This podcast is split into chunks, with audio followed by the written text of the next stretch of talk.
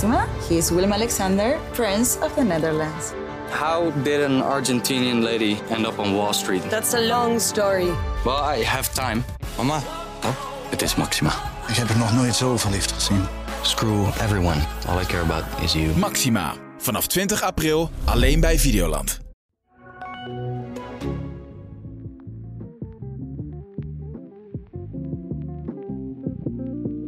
Luistert naar Zij Zegt, een podcast van het AD. Ik ben Debbie Gerritsen, columnist en iedere week bekijk ik voor mijn column een actueel onderwerp vanuit een vrouwelijk perspectief. In deze podcast duik ik samen met een vrouwelijke expert nog wat dieper in de materie. Ehm, en deze week, tja, er is nogal wat aan de hand. Eh, het grootste nieuws kwam natuurlijk woensdagnacht uit de Oekraïne. Eh, Russische troepen strekken as we speak het land binnen en eh, Poetin is echt op oorlogspad. Het is echt vreselijk om te zien hoe ja, onschuldige mensen uit huizen worden gejaagd en op de vlucht moeten. Alleen maar omdat één man, Vladimir Poetin, zo'n ongelofelijke territoriumdrift heeft. De man is slecht en losgezongen van de werkelijkheid, al heeft hij daar zelf natuurlijk een hele andere lezing over. En zijn omgeving ehm, en het grootste deel van zijn volk ook. Poetin is echt heer en meester in het verspreiden van desinformatie en daaraan vasthouden. Door media te controleren, door het rondstrooien van onjuiste informatie. En dat is eigenlijk meteen een mooi bruggetje naar het onderwerp van mijn week en mijn column. Ehm, want leugens verspreiden is niet alleen voorbehouden aan een totalitair regime. Ja, dat gebeurt eigenlijk overal en vooral eh, op social media. Het, leugens en de roddels en de achterklap verspreiden, ja, dat gebeurt aan de lopende band. En daar hebben we tegenwoordig een nieuw kit on the block eh, bij. Namelijk de Juice-kanalen. Juice-kanalen zijn Instagram-accounts of eh, YouTube-accounts van eh, influencers die aan de lopende band desinformatie of juice of roddels die ze hebben verkregen door een spionnenleger, zo wordt dat genoemd. Dus eigenlijk mensen ja, eh, anyone ehm, die eh, een roddel of een foto of een, eh, een, een, iets weet over een bekende Nederlander, wordt dan naar deze accounts gestuurd via de een berichtenservice. En ja, dat gaat eigenlijk vrijwel ongecheckt online. De voorstanders zeggen ja, maar dankzij deze juice-kanalen zijn ook heel veel misstanden eh, aan het licht gebracht. Hè. Zoals de, door de grote Voice of Holland zaak, daar is heel veel over bericht. Maar ook eh, een video ehm, van Deel Kleine, eh, die zijn vermoedelijk vriendin ehm, mishandeld. Afijn, de opkomst van de juice-kanalen, is dat nou een goede of een slechte ontwikkeling? Ik praat hierover met Charlotte Meinersma. Zij is jurist eh, en ze is gespecialiseerd in social media en in privacyzaken. Charlotte, fijn dat je er bent. Dankjewel, leuk dat ik eh, even met je mee mag praten. Ja, ehm, volg jij de, de juice-kanalen eigenlijk? Nou ja, eigenlijk niet. Ehm, dus ze bestonden al en ik wist ook eigenlijk nog niet echt van het bestaan daarvan af. eh, totdat mensen mij daarop gingen be- be- bevragen. Joh, eh, wat is dat nou en mag dat eigenlijk allemaal wel? Ehm, dus ik volg het niet nauwgezet, maar ik ben het wel meer gaan volgen. Omdat ik toch ook wel iets beter wilde zien van goh, hoe brengen zij het dan? Want soms eh, hebben ze ook een YouTube-kanaal, maar zit daar eigenlijk helemaal niet zoveel informatie in. En dan blijkt dat echt gewoon in een losse story te zijn. Hè? Dus wat jij al zegt met, ja, het gaat gewoon zomaar Instagram op. eh, zonder dat het gecheckt wordt. Ja, er zit ook altijd weinig onderbouwing bij. Hè? Het is echt puur, we hebben gehoord dat en punt. Meer is het ook echt niet. En hoe zit dat dan juridisch gezien? Want eh, kunnen wij zomaar alles online zetten? Zou ik dat ook zomaar kunnen? Nou, iedereen heeft natuurlijk gewoon het recht op vrijheid van meningsuiting. En dat heb jij ook, heb ik ook, hebben de Juice-kanalen ook. Maar iedereen heeft net zo goed de plicht om eh, zich aan de grondrechten van anderen te houden. Dus dat is weer het recht op privéleven en het recht op eer en goede naam. Nou, dat zijn allebei grondrechten. En die kunnen met elkaar botsen, die kunnen overlappen. En dan moeten we daar een belangenafweging in maken. Dus je zult het ook per keer moeten bekijken. En als mijn eh eer en goede naam zwaarder weegt, ja, dan betekent dat dat ik jou gewoon voor de rechter kan slepen. Ik kan zeggen, oh, yo, dat moet offline en ik wil een schadevergoeding. Maar goed, dat offline is vaak al gebeurd, hè? want het zijn gewoon stories die online geplaatst worden. Dus dat maakt het voor deze, dat maakt deze juice-kanalen ook best moeilijk om aan te pakken, toch? Ja, nou ja, en sowieso, op het moment dat je zegt, en ik ga je voor de rechter slepen, is het eerste wat zij natuurlijk doen in hun stories delen, dat ze voor de rechter gesleept worden. Of ze maken er weer een nieuwe video over. En dat is dan ook weer juice op zichzelf. Hè? Dat, dat zie je nu ook. Ehm, Nou, wat hadden we gisteren nog? Carlo Boshart die uh, aangifte doet. Zowel tegen Roddelpraat, maar nu ook tegen uh, Yvonne Koldewijer. Uh, en alle, wat ze allebei doen, is vooral dat weer delen. Hè? Ja. Oh, kijk, Carlo Boshart. Ja, nou, en hij heeft aangifte gedaan. En nou, poe, poe, en wat zijn we bang. Um, dus, dus dat is een beetje hoe dat gaat. Hè? Zij gebruiken dat eigenlijk alleen maar voor nog meer aandacht, zodat ze nog meer inkomsten kunnen genereren. Uh, hoe, zijn er, hoeveel bekende zaken zijn er op online? Uh, dus uh, wat, wat, maakt het daar zo moeilijk? Want ik heb het idee dat daar toch minder zaken uit voortkomen. Dat er bij de Juice-kanalen minder zaken zijn, ja. bedoel je? Nou ja, ook omdat ik denk dat mensen wel weten wat het risico is van zo'n zaak. En dat daar dus alleen maar meer aandacht voor komt. En ja. dat de schadevergoeding die je kunt ontvangen als, mm-hmm. als klager, zeg maar, dat die gewoon relatief laag is. Dus dat je kosten voor het voeren van die rechtszaak ook al snel hoger zijn dan de schadevergoeding die je kunt krijgen. En nou ja, wat je, wat je al zei, hè, ja, als het een story is, dan is die van datzelfde kanaal vaak al af. Mm-hmm. Uh, als het om Instagram gaat. Dus ja, daarover hoef je dan niet te procederen. Maar het is natuurlijk al lang verspreid over allerlei andere kanalen die screenshots hebben gemaakt, mensen die het op websites plaatsen. Uh, of YouTube-video's. Dus over een YouTube-video zou je dan misschien nog kunnen procederen, zodat die offline gehaald kan ja. worden. Ja. Uh, maar, dat, maar dat is dus wel uh, waarom het niet zoveel gebeurt. Het Barbara Streisand-effect noemen we dat. Um, die werd ooit extra bekend, omdat er ja, een, een, foto van haar huis in, in Malibu um, gefotografeerd was. Omdat er eigenlijk gewoon de hele kustlijn gefotografeerd werd om te kijken hoe het daarmee stond. En zij dacht, oh, nu weet iedereen wat mijn huis is en waar ik woon en uh, help. En die is daar een rechtszaak over begonnen. Die foto was op dat moment geloof ik nog maar drie keer gedownload, bekeken. En uh, door die rechtszaak ja, moest iedereen natuurlijk wel vertellen, nou, over welke foto gaat het dan? Waardoor je dus weet over welk huis het gaat. Waardoor je dus weet dat dat huis van Barbara Streisand is. En toen werd het opeens natuurlijk massaal bekeken. Ja, ja. Um, en heb je dus juist de aandacht gevestigd op iets waarvan je, waar je de aandacht van af wilde leiden. Maar dit is een soort catch-22 bijna. Hoe, hoe kom je hier in godsnaam uit? Niet. Dat moeten we met, met, met de maatschappij samen eigenlijk doen. Want uh, je kunt dus wel een recht hebben. En je kunt het recht in die zin ook wel halen. Maar dat betekent nog niet dat je probleem is opgelost. En wat zouden we dan moeten doen als maatschappij? Uh, nou ja, vooral dus eigenlijk niet die Juice-kanalen bekijken. Ja, zij bestaan bij, bij, bij de gratie van volgers. Mm-hmm. Um, en, en daar verwerven zij ook inkomsten mee. Hè. Sterker nog, zo'n, in elk geval zo'n roddelpraat en uh, Live of Yvonne... die hebben nog manieren waarop je ze extra kunt betalen zodat je extra video's te zien krijgt. Of uh, hè, dat je van Lil Kleine bijvoorbeeld de volledige video te zien zou krijgen. Mm-hmm. Uh, dat soort dingen.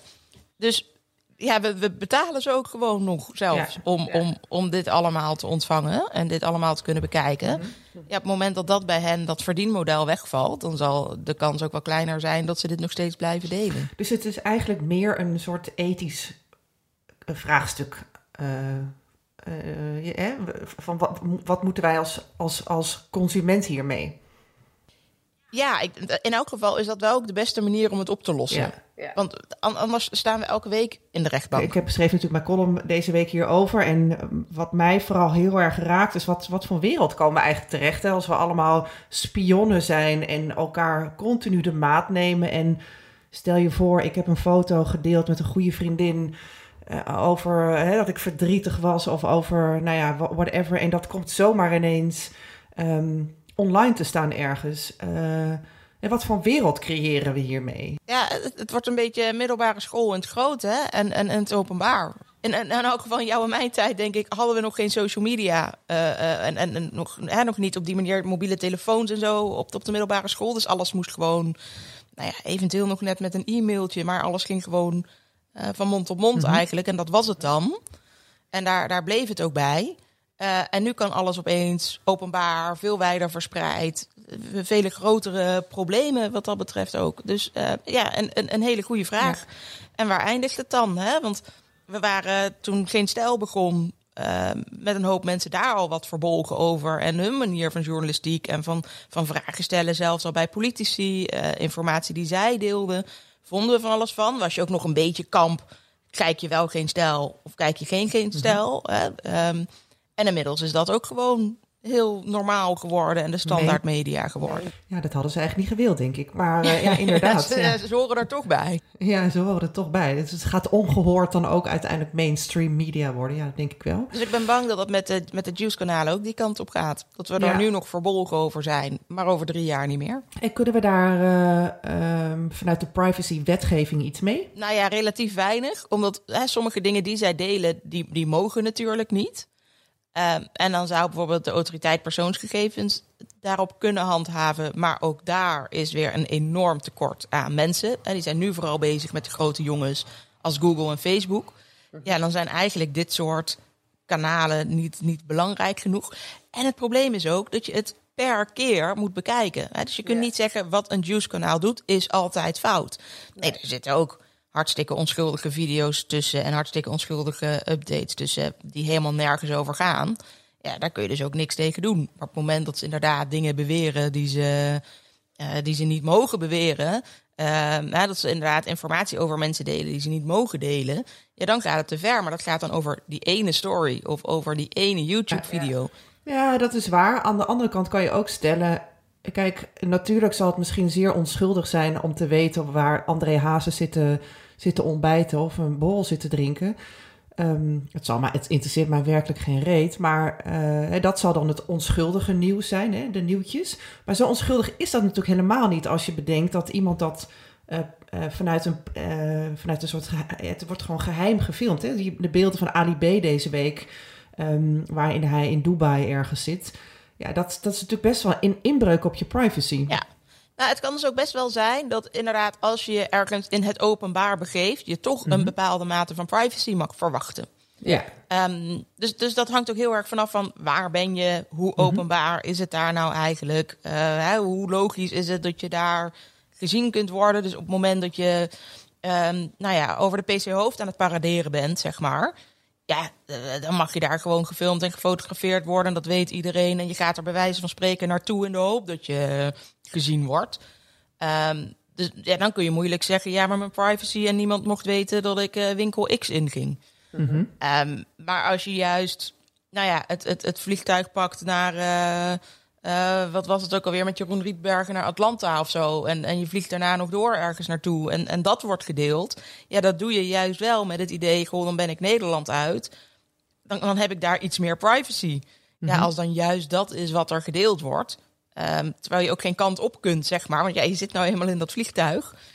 Uh, ja, dan is dat dus een stuk erger. En terwijl je ook kunt zeggen, ja, Schiphol is toch ook gewoon groot. Veel mensen in die zin hè, voldoende openbaar. Mhm. Mm -hmm. um, maar dat is inderdaad niet zo openbaar dat je dan kunt zeggen, nou, dit mag je allemaal maar gewoon zo delen. Maar toch gebeurt het. En toch gebeurt het. Ja, maar ja, de, de vraag is dus, het, het, het, mag misschien juridisch niet, maar wat doe je er dan tegen? Ja. ja, dat is dus weer die rechtszaak, maar daar maak je het eigenlijk weer groter mee. Ja. Terwijl ja, weet je, er is niemand die nu Jeroen Rietberg achterna is gevlogen om te kijken wat hij daar nou daadwerkelijk aan het doen is. Het is dus ongelooflijk moeilijk om, uh, om, om dit eigenlijk een halt toe te roepen, deze ontwikkeling. Ja, behalve dus, eh, daarom denk ik ook dat het, dat, het, dat het echt alleen maar op een maatschappelijke manier zou kunnen. En mm -hmm. dat we dit eigenlijk niet via de juridische weg moeten proberen. Maar is het dan ook niet een, een, een, een discussie waard om eens te kijken naar wat ik net al zei, mensen hebben toch heel weinig compassie voor bekende mensen. Ja, sowieso uh, hebben ze weinig compassie voor mensen die niet heel erg dichtbij staan. Hè? Dus ja. ook als ze mensen online kennen, maar dan gewoon niet echt kennen, ja, dan maakt het allemaal niet meer uit. Dat voelt dan toch anoniem of zo. -hmm. Want we hebben het um, natuurlijk in de jaren, ik heb er onlangs over geschreven, in de jaren 2000, de hele zaak rondom Britney Spears en um, de video, er is nu een serie online op Disney Plus. Dat gaat over Tommy en Pamela. Uh, over de sekstape die destijds zomaar online is gezet. En ook heel veel privacy schending natuurlijk is geweest. En er was een, best een tijd waarin, waarin uh, er echt een, een, ja, een soort jachtseizoen was op, op, op bekende mensen. Um, en dat dit gevoel krijg ik hier ook een beetje bij. Het is een soort heigerigheid. Het is heel fanatiek. Het is heel erg een heel erg een shame cultuur. Um, de mensen moeten, moeten op het schafot, moeten, uh, uh, moeten onderuit. Uh, het, het, het, zijn nooit eens een keer leuke roddels, om het maar zo te zeggen. Nee. Nee, nee. En dat zegt natuurlijk wel heel veel over ons en ook over de maatschappij waar we nu in zitten. Ja, en, en vandaar ook dat ik dus denk, goh, dit is iets wat we maatschappelijk op moeten lossen. Je ziet natuurlijk dat er in uh, Engeland bijvoorbeeld sowieso een enorme roddelcultuur is, altijd al geweest.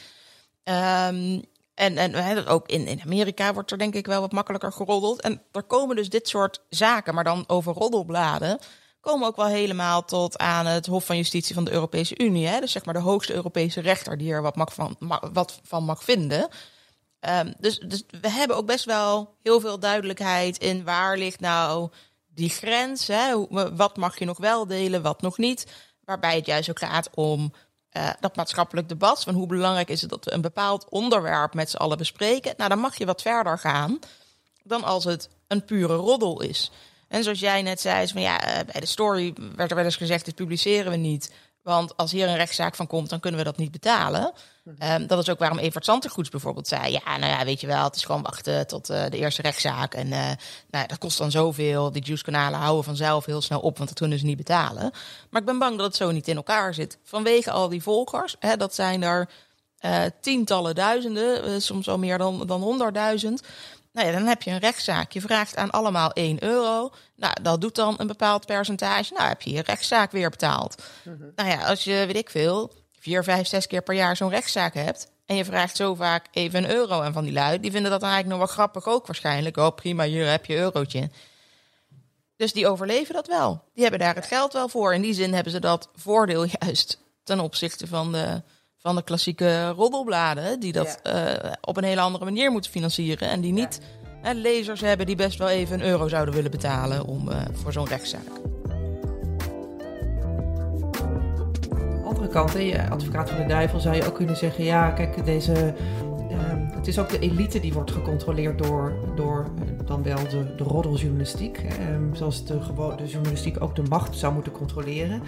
Is natuurlijk ook ergens prettig dat dat niet helemaal afgeschermd wordt. Dat we ook weten Um, ja, dat, er ook, dat er ook wat meer transparantie komt in de, in de elite, in die zin dus in de BN'erswereld of de bekende mensenwereld. Hè? Dat is ook precies waarom je dus als um, journalistiek medium, überhaupt dus als medium, zo af en toe iets meer mag. Omdat we dan zeggen, dit is dus belangrijk voor, voor nou ja, en we noemen dat dus maatschappelijk debat, maar dat is dus inderdaad die controle. Mm -hmm. Om te zeggen, ja, weet je, als dat alleen maar afgeschermd zou zijn en niemand zou daar wat van weten, kunnen we daar het gesprek met z'n allen ook niet over voeren.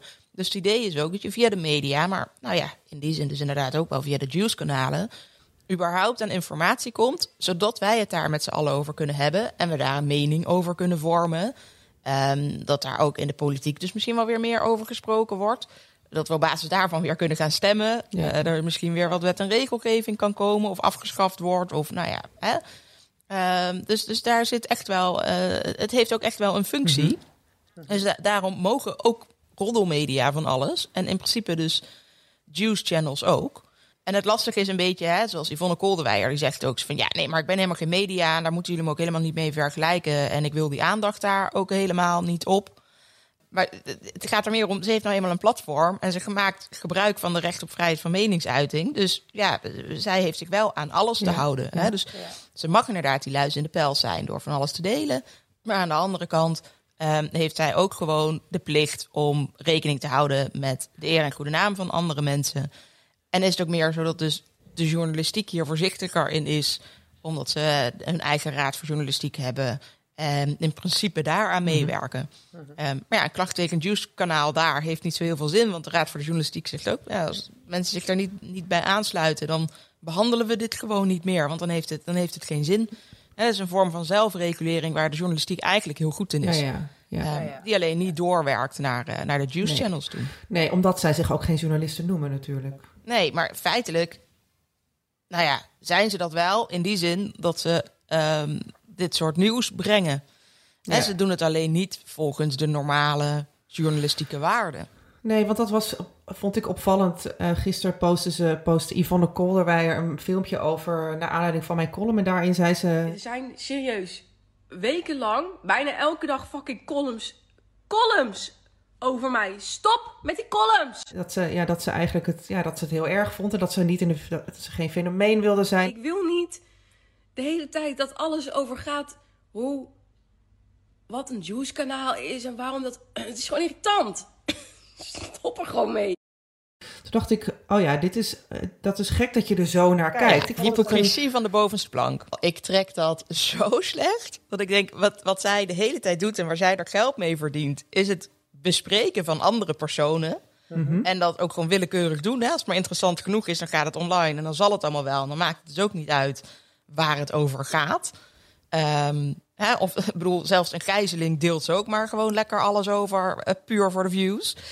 En dan wordt er over haar gesproken. En dan zou dat opeens allemaal niet mogen en niet moeten. Ja, dat, Ja. dat is dus zo hypocriet als het maar zijn kan. Dan krijg ik rode vlekken van in mijn nek. De vraag is ook een beetje, wat, ik, wat mij ook een beetje eh bezighoudt, is de, de maatschappelijke, maatschappelijke dis- discussie die op gang komt naar aanleiding van ja, filmpjes als eh, Leeuw Kleine en, ehm, en Jamie Vaas, maar ook uh, Glennis Grace. Hè? Ehm, in, in hoeverre is dat ook iets positiefs? Dat kan natuurlijk wel. Wat, hè, wat je merkt is dat meteen zo'n gesprek breder wordt getrokken. Over überhaupt huiselijk geweld, bijvoorbeeld. Dus dat het Ja. in, in die zin zeker wel positief is. Kijk, wat, wat ik alleen er nogal vervelend aan vind, is dat zij eh, zo'n bewakingsbeeld publiceert.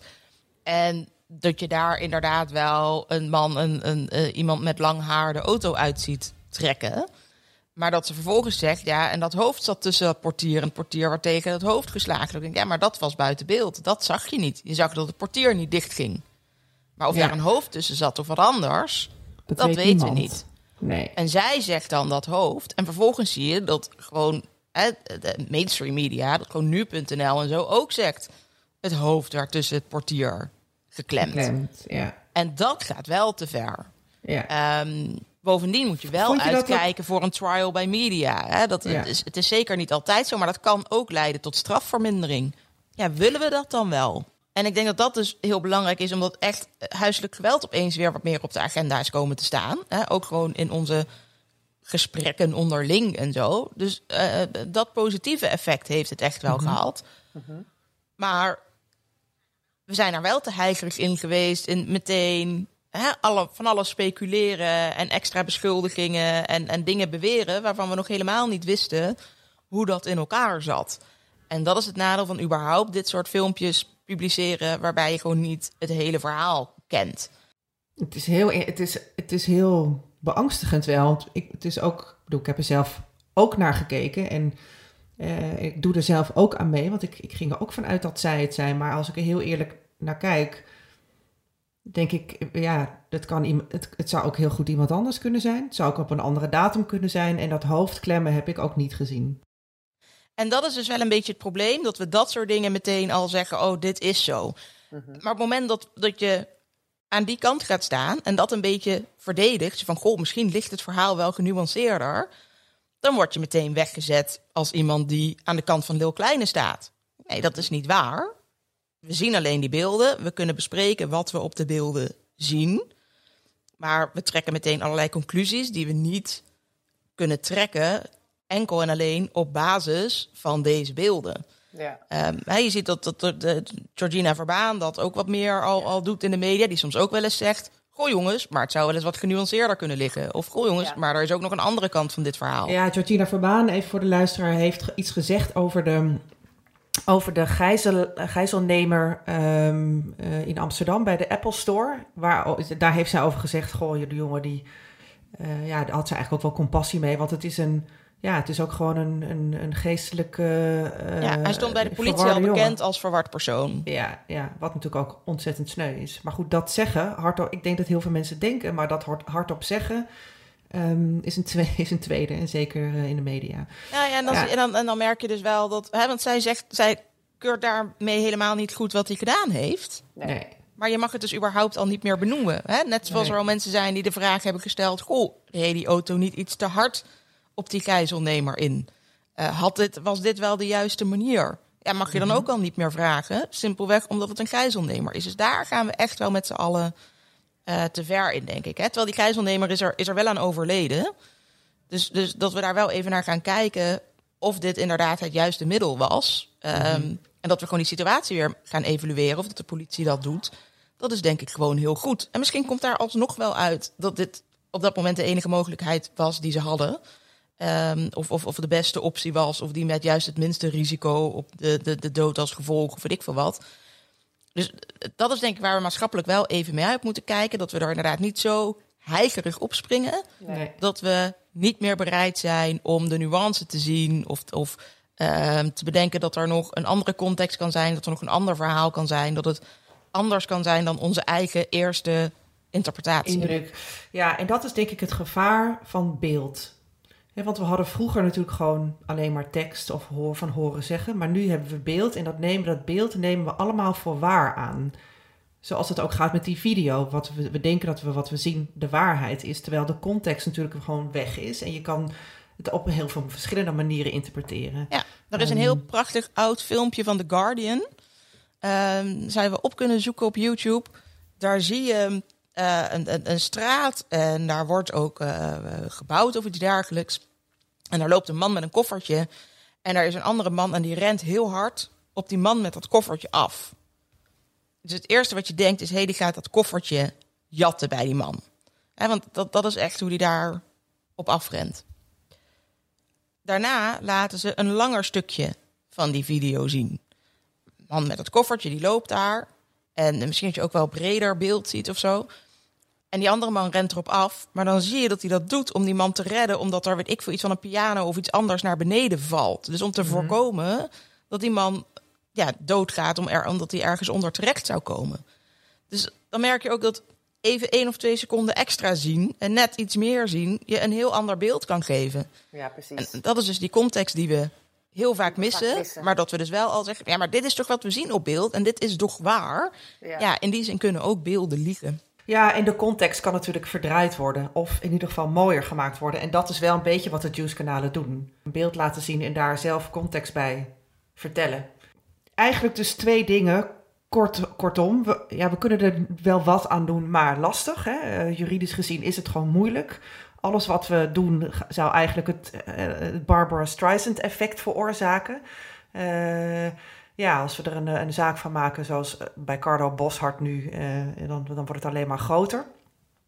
Dus we moeten toch onszelf eh, veel meer in de spiegel gaan aankijken van wat willen we hier nou eigenlijk mee en, en zou dit, ja, willen we dit stoppen? Willen we er hier in de, eh, willen we zo'n leven? Willen we een, een, maatschappij creëren die met allemaal spionnen en eigenlijk allemaal verraders die, eh, die ons, eh, hè, want we hebben het nu over BN'ers, maar het kan natuurlijk ook gewoon prima over politici gaan en, en over onszelf. Ehm, wil, willen we zo, want dat, zou, was- dat zullen waarschijnlijk volgende stappen zijn. Willen we zo'n, in zo'n maatschappij leven? Nou, die afweging moeten we maken en, en, en daarmee moeten we toch in ons, eerst ons, onszelf op aanspreken. Ja, inderdaad. Hè. Eigenlijk moet je, denk ik, je bij alles afvragen: wat als ik die persoon zou zijn? Wat zou ik er dan van vinden? En al helemaal als het inderdaad niet waar is, of niet helemaal waar is, of, of, of zoiets dergelijks. Ja. Hoe zou ik er dan tegenover staan? En als je het dan ook niet oké zou vinden, en dan moet je dit dus bij een ander ook Nee. niet doen. Helder. Dankjewel voor dit gesprek. Ik eh, ga nog wel proberen om eh, Yvonne Kolderweijer zelf te spreken. Eh, ik heb er een berichtje gestuurd, dus ik hoop dat zij nog gaat reageren. Eh, want ik ben ook heel benieuwd naar haar eh, kant van het verhaal. Eh, we gaan het horen. In ieder geval ben ik heel blij dat ik even met jou heb gesproken. Ik, ik hoop echt dat, eh, dat Yvonne nog mee wil werken. Ik denk dat dat dus weer voor die nuance. Het zou hartstikke fijn zijn, ja. ja. Nou ja, we gaan het meemaken. Ja, alright. Veel succes Hey. nog. Dankjewel. Bye. Bye, bye. Je luisterde naar Zij Zegt, een podcast van het AD. Mijn naam is Debbie Gerritsen. Wil je meer van mij horen? En dat wil jij? Ga dan naar ad.nl slash zijzegt en abonneer je op mijn nieuwsbrief.